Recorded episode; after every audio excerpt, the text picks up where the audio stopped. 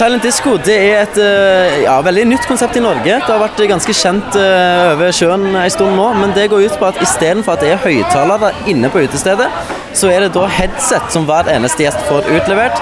Der det går tre forskjellige spillelister med forskjellig eh, musikkstil.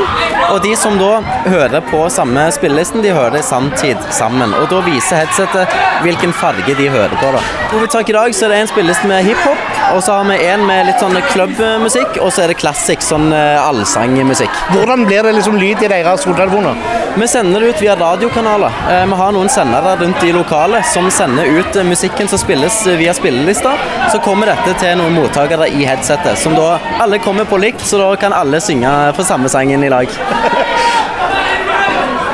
Hvis vi skal tolke lyden så langt i lokalet, er det lyden av suksess du hører? Det nærmer seg. det nærmer seg. Det, vi håper på masse folk i kveld, og det ligger godt an. ja, For dere har med 400 headsets?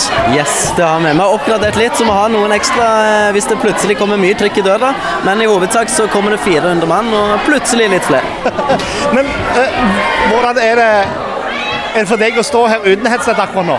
Det er jo spesielt. Eh, folk koser seg, og det er det viktigste for meg. Men nå hører du kanskje i bakgrunnen, nå har det kommet en klassiker som alle kan, og da, da får du litt vondt i ørene, selv om det ikke er noe i høyttalerne. er dette noe som, eh, som, kommer til å spre seg, kommer til å bli mer populært? Det blir bare mer og mer populært for eneste dag som går. Eh, nå er vi rundt om i hele landet med Silent Disco, og det flere og flere folk eh, blir kjent med det, og flere og flere folk eh, liker det.